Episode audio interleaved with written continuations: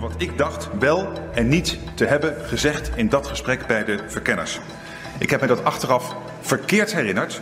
Ik betreur dat ten zeerste. Pragmaticus, controlfreak, taalacrobaat, Mr. Teflon. Waarom zit juist de persoon Mark Rutte al 13 jaar in het torentje? zie je dat hij heel goed weet waar de grens ligt om te overleven. En tot die grens doet hij alles. Waarom blijft er niets aan hem kleven? Aan andere politici zie je soms hoe ze lijden onder iets. Bij Rutte zie je dat niet. Wat zit er achter zijn eeuwige glimlach? Als die 60% zo tevreden met hun leven zouden zijn als Mark Rutte tevreden met zijn leven is, zouden ze dolgelukkig zijn. En waarom lijkt hij onmisbaar in Den Haag? Rutte had gewoon één gouden troef in handen, namelijk de kiezer had gesproken.